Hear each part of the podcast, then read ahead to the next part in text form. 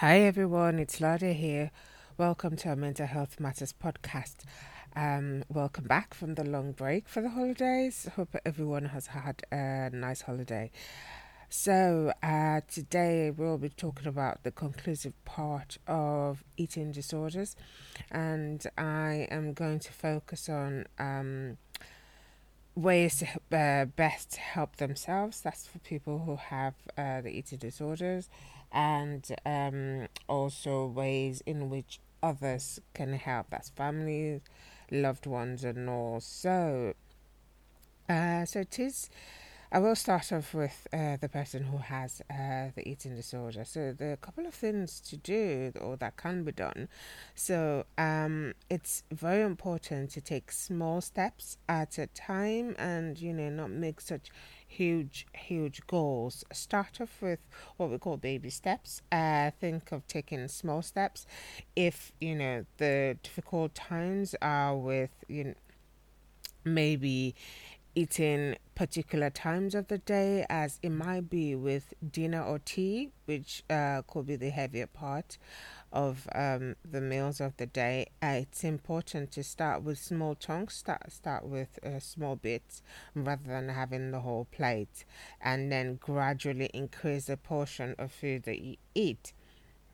And also, um, it's important to stick to the regular meal times. The, this, uh, which is usually uh, breakfast, lunch, and dinner, and also keeping a, a food diary of what's been eaten uh, with this for diaries, it will be important to write what you eat and uh, the thoughts and feelings around the meals because this this um, would help the therapist that's uh, you know helping with the treatment uh, to go to to ha- have ideas of what's going through your mind and the feelings associated with food.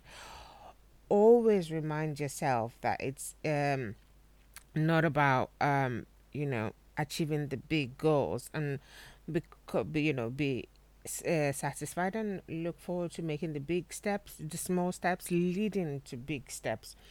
Also um, b- being open about your feelings and thoughts both with yourself and um, others is very important. The, the problem with eating disorders is there is that um, need to be, you know, secretive uh, about your thoughts and feelings regarding food because of criticism. And uh, this actually makes illness worse. So it's very important to be uh, open um, to yourself, uh, you know, and um, open to others around you as well. Um, while we talk about the baby steps, know what the end goal and end point is. Yes, you know, we have yourself and your therapist, the doctors, and other mental health professionals will have a target and uh, target weight for you, and um, knowing the little steps that would lead to the big goal at the end of the day is very important. Knowing the end goal. Also, it's very important. As i talked about the criticism the criticism that's associated it leading to being secretive. Be kind to yourself. Quite a number of others are going through this. So don't don't look at yourself as um, somebody who doesn't deserve love or who um, who isn't good enough uh, because of this disorder because it, it, it, tends to happen that way.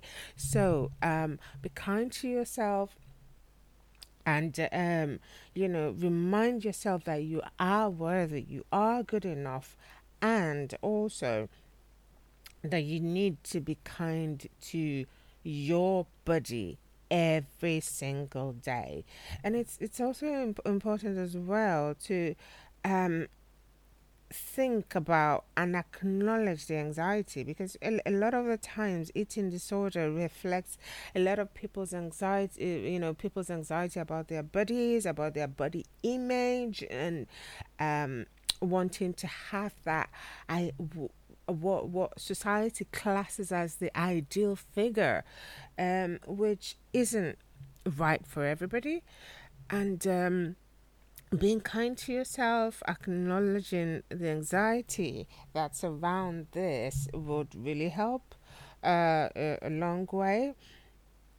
uh, would really go a long way. And also, uh, it's good to have a, a, list of you know a, or rather two lists one is of what the eating disorder has done to you and one is of what you have lost through it. And um, it's it's it's uh, very important to also to be like uh, to read the stories of other people who have recovered. As I said before, quite a number of people do have, um, you know, do have this eating disorder. So it doesn't necessarily mean, you know, that you are not worthy, you are not good enough. And reading their stories or um, looking at um, other people who have gone through it and survived as role models would help you and uh, you know also help you know that you are not alone. Others have gone through it others have survived it and you will um you can also and you will. Uh, so it's it's a very important motivating factor to look at other people's stories now, um, a very important thing to talk about in um, you know, at this point is uh, the influence of social media. Um, so there's a lot out there about ideal body weight. There's a lot about out out there about celebrities um, showing off their bodies. There's a lot of out there about uh, body shaming, and um, you have to keep reminding yourself that you are you. You are not that celebrity. You are not that person out there who has, you know, that body image or, or the, that body weight that you um you think is the right one you are you there isn't nobody else like you because that for the fact that that person has it doesn't mean it's right for you and ignore what society thinks. Just get what your ideal weight is from the therapist and um, your professionals and stick to it rather than sticking to what social media says or social um, celebrities out there are flaunting.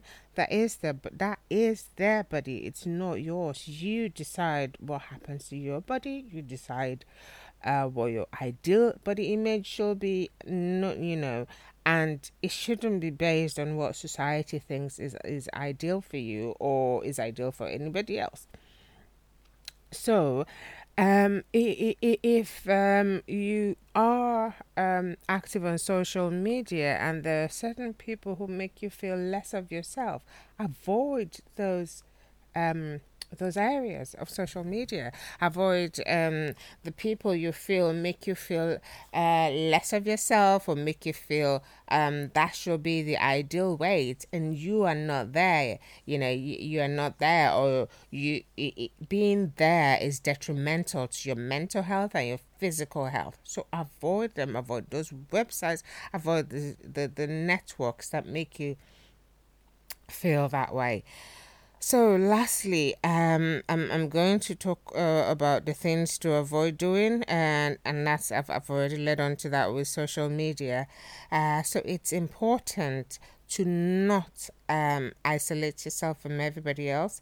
To you know, because as I said, there's that secretive part due to criticism. So it's important to not give in to it and isolate yourself from everybody because you don't want uh, comments about your weight or you don't want criticisms. So do not isolate yourself from your loved ones and people who would give you support and also av- avoiding uh, that there is this habit of continual uh, weighing of the body um you know to you know to to to to feed into um wanting to get into that uh, ideal weight. Try as much as possible to avoid weighing yourself more than once a week. And also there is this um need to keep checking yourself out in the mirror and um, looking at your body and looking at the the image. Pardon. This feeds into the thoughts and the feelings around the eating because when you keep looking at yourself, you keep comparing yourself to all these other people and it is detrimental. So, not having those checking habits of looking into the mirror or checking your body all the time would help um, by reducing, you know, that self conscious, that self consciousness associated with body image. And also listening to advice and uh, um, um and um not listening to advice and not adhering to treatment is not something that should be considered at all because these professionals do want uh, the best for you. They're there to support you and they're there to make sure um, you get uh, you you know you get to the weight they feel is ideal and helpful for you. So I will go on now to how others can help. So for those who have uh, relatives or loved ones or spouses or children who have eating disorders, very importantly, I had talked about the secretive uh, part of this illness, and uh, due to the criticism, which ultimately, um, you know, uh, you know, makes it difficult to identify um, when people with eating disorders are you know deteriorating rapidly because there's there's a lot they're not opening up about. So being there for them is really important being letting them know you are there for them and um you know uh letting them know that you you you listen you help find them you help them find support you help them go for the the therapy sessions you help them go for the appointments and be there to listen is very important.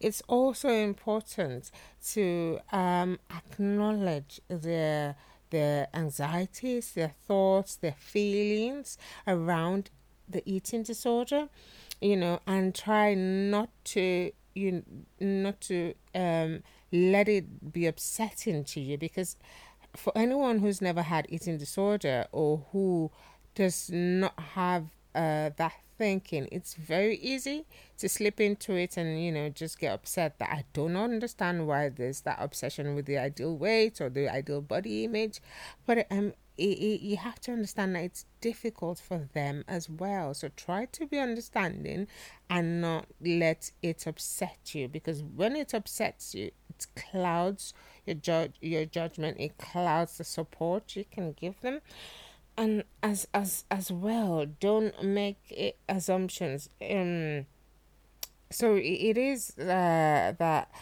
um assumption that it's all about body image it's all about um you know the people focusing on their appearance um people with eating disorder have the feelings and thoughts of helplessness making assumption that um you know it's just all about the body image or it's just all about the appearance is um, is is you know will be something that will be detrimental and also cloud your judgment in helping them.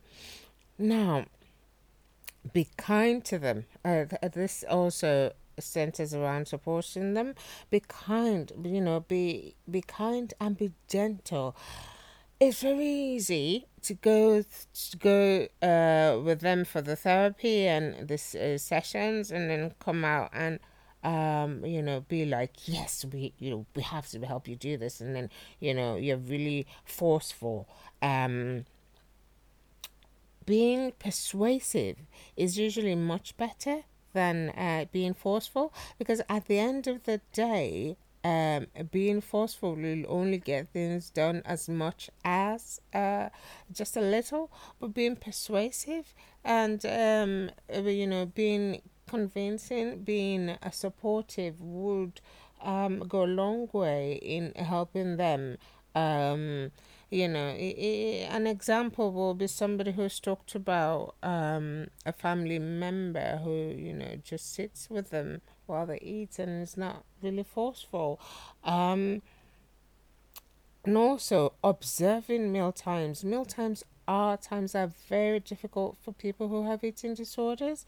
Um, you know, helping them uh, during meal times to make it as less stressful as can be will be will go a long way in helping them adhere, you know, to the treatment plans by um, the, the that the professionals have set out for them, knowing that it's a long process, it's a long journey that would, you know, take um, that would involve baby steps leading to the ultimate goal will, you know, help your uh, uh, your thinking processes, your judgment around um around uh, you, you know your actions towards helping them.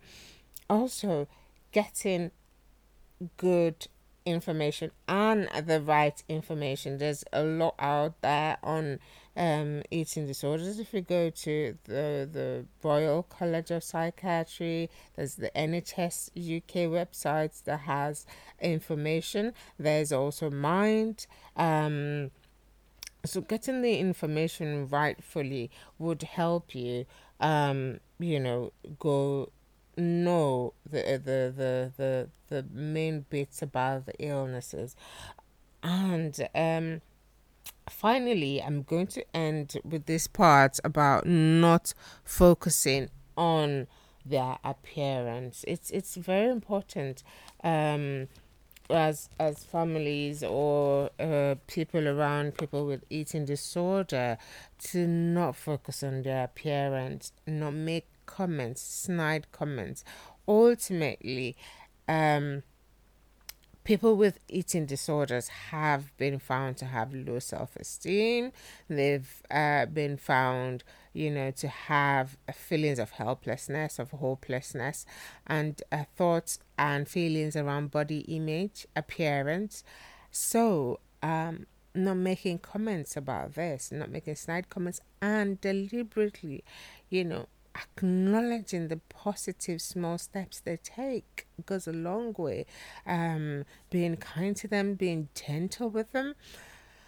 Um, so I, I hope this episode has uh, helped with a little bits and bobs on um, what people with eating disorder and what others uh, can can do. There was a recent acknowledgement. Uh, there was a recent um, research and um, discovery that people the admission rates for people with eating disorder has skyrocketed.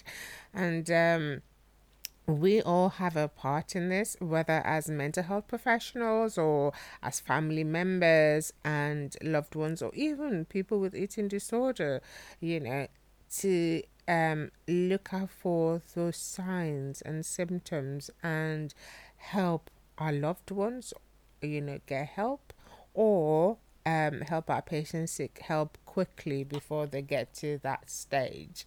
So, thank you for listening. Um, uh, until next time, remember empower your mind, empower your life, and also give us feedback. Give us um, what you would like us to cover if you have any questions about any of the episodes on our Facebook page, our Mental Health Matters, or our Facebook group. And also on Twitter, it's at Omolade Amaka, O M O L A D E A M A K A. And finally, remember again empower your mind, empower your life. Goodbye.